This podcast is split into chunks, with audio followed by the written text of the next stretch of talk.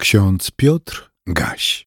Wtorek, 9 maja 2023 roku. W Księdze Daniela, w drugim rozdziale, 44 wersecie czytamy: Bóg niebios stworzy królestwo, które na wieki nie będzie zniszczone. W Ewangelii według przekazu Łukasza, w 22 rozdziale, 29 i 30 wersecie znajdujemy takie słowa: Jezus powiedział do uczniów: Przekazuję wam królestwo, jak i mnie ojciec mój przekazał, abyście jedli i pili przy stole moim w królestwie moim. Oczy całego świata zwrócone w stronę Londynu. Takie nagłówki pojawiały się na początku doniesień agencji informacyjnych w minioną sobotę 6 maja 2023 roku. Być może jest w tych słowach jakaś przesada. Niemniej koronacja Karola III była ważnym wydarzeniem nie tylko dla Zjednoczonego Królestwa Wielkiej Brytanii i Irlandii Północnej. Świadczą o tym choćby liczne komentarze napływające z różnych stron świata.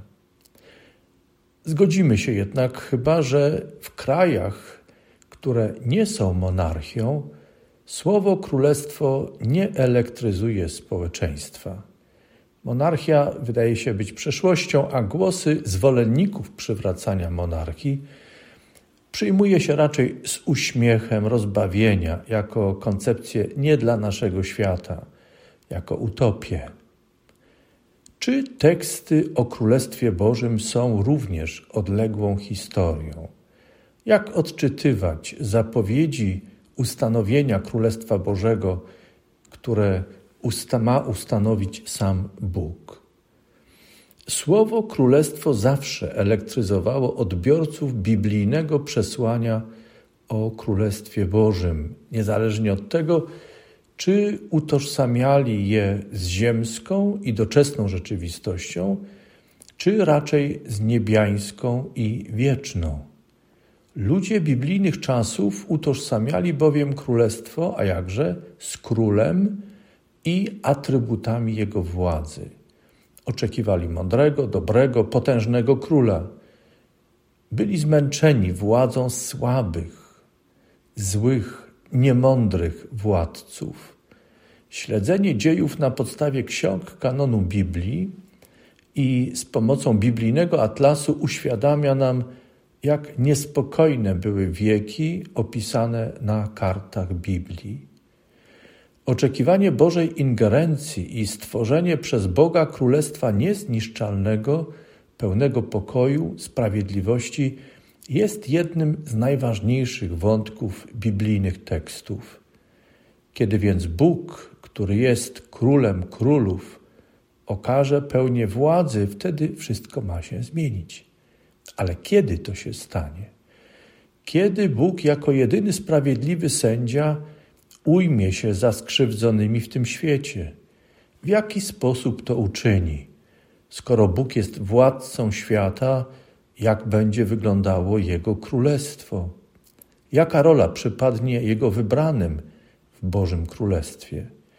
Te i inne pytania rozbudzały ciekawość i uruchamiały wyobraźnię oczekujących na ustanowienie Bożego Królestwa. Utożsamiano je z czasem przyjścia i obecności Mesjasza, namaszczonego króla Chrystusa. Stąd Jezus z Nazaretu wywoływał wśród swoich współczesnych tak żywe spory o to, kim on jest. Czy jest tym przyobiecanym Mesjaszem, królem? Jeśli jest, kiedy ogłosi przejęcie władzy, aby rządzić? Kiedy osądzi złych i ujmie się ostatecznie za skrzywdzonymi? Jaka rola przypadnie jego najbliższym współpracownikom, apostołom oraz pozostałym uczniom i, i, i uczennicom w różnych częściach jego królestwa? Według świętego Łukasza, również w trakcie wieczerzy paschalnej spożywanej w Jerozolimie przed męką, śmiercią i zmartwychwstaniem Jezusa Chrystusa, jak czytamy, powstał spór między nimi o to, kto z nich ma uchodzić za największego? I dalej Łukasz świadczy, cytuję. On zaś rzekł do nich: Królowie narodów panują nad nimi, a władcy ich są nazywani dobro, dobroczyńcami. Wy zaś nie tak. Lecz kto jest największy wśród was, niech będzie jako najmniejszy, a ten, który przewodzi, niech będzie jako usługujący. Któż bowiem jest większy? Czy ten, który u stołu zasiada, czy ten, który usługuje? Czy nie ten, który u stołu zasiada? Lecz ja jestem wśród was jako ten, który usługuje. Wy zaś jesteście tymi, którzy wytrwali przy mnie w pokuszeniach moich, a ja przekazuję wam królestwo, jak i mnie ojciec mój przekazał, abyście jedli i pili przy stole moim w królestwie moim i zasiadali na tronach, sądząc dwanaście plemion Izraela. Koniec cytatu. Przesłanie dzisiaj, na dzisiejszy dzień jest jasne. Bóg stworzył swoje niezniszczalne królestwo przez Jezusa Chrystusa. Pan Jezus mówi: Wypełnił się czas i przybliżyło się Królestwo Boże. Upamiętajcie się i wierzcie Ewangelii. Czytamy w Ewangelii według przekazu Marka. I dalej w Ewangelii Marka w dziesiątym rozdziale czytamy: Albowiem syn człowieczy nie przyszedł, aby mu służono, lecz aby służyć i oddać życie swe na okup za wielu. Jednakże tym ujęciem i rozumieniem królestwa i władzy tak bardzo zaskoczony był świat, że wielu nie uwierzyło Jezusowi i w konsekwencji odrzucili jego władanie. To jednak nie zmienia faktu, że w Jezusie Chrystusie przyszło do nas przyobiecane Królestwo Boże. On jest królem królów. Jego panowanie jest wieczne. Służenie mu to trwanie przy nim w czasie dogodnym i niedogodnym, w szczęściu i nieszczęściu, w zdrowiu i chorobie, w sile i rozkwicie życia oraz w czasie odchodzenia i umierania. Jezus Chrystus oczekuje, że zawsze i wszędzie będziemy Mu służyli, wchodząc w Jego ślady.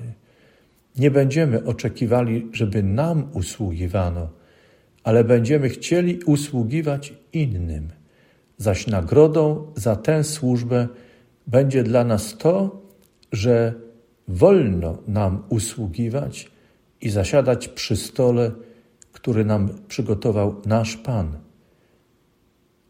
Przygotował ten stół, kiedy ustanowił Eucharystię, ucztę radości i wdzięczności.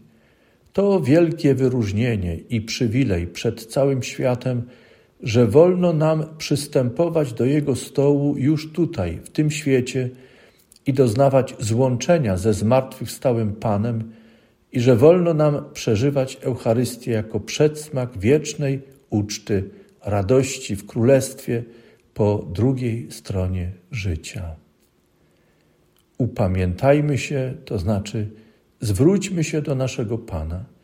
Wierzmy dobrej nowinie, którą On zwiastuje. Chciejmy uczestniczyć z radością w Jego władaniu poprzez usługiwanie wszędzie, gdzie Bóg nas stawia. I oczekujmy z radością tego momentu, kiedy staniemy przed Najwyższym po drugiej stronie jako Jego słudzy i służebnice Jego. A pokój Boży, który przewyższa wszelkie zrozumienie, niechaj strzeże serc i myśli naszych w Chrystusie Jezusie, Panu i Zbawicielu naszym. Amen.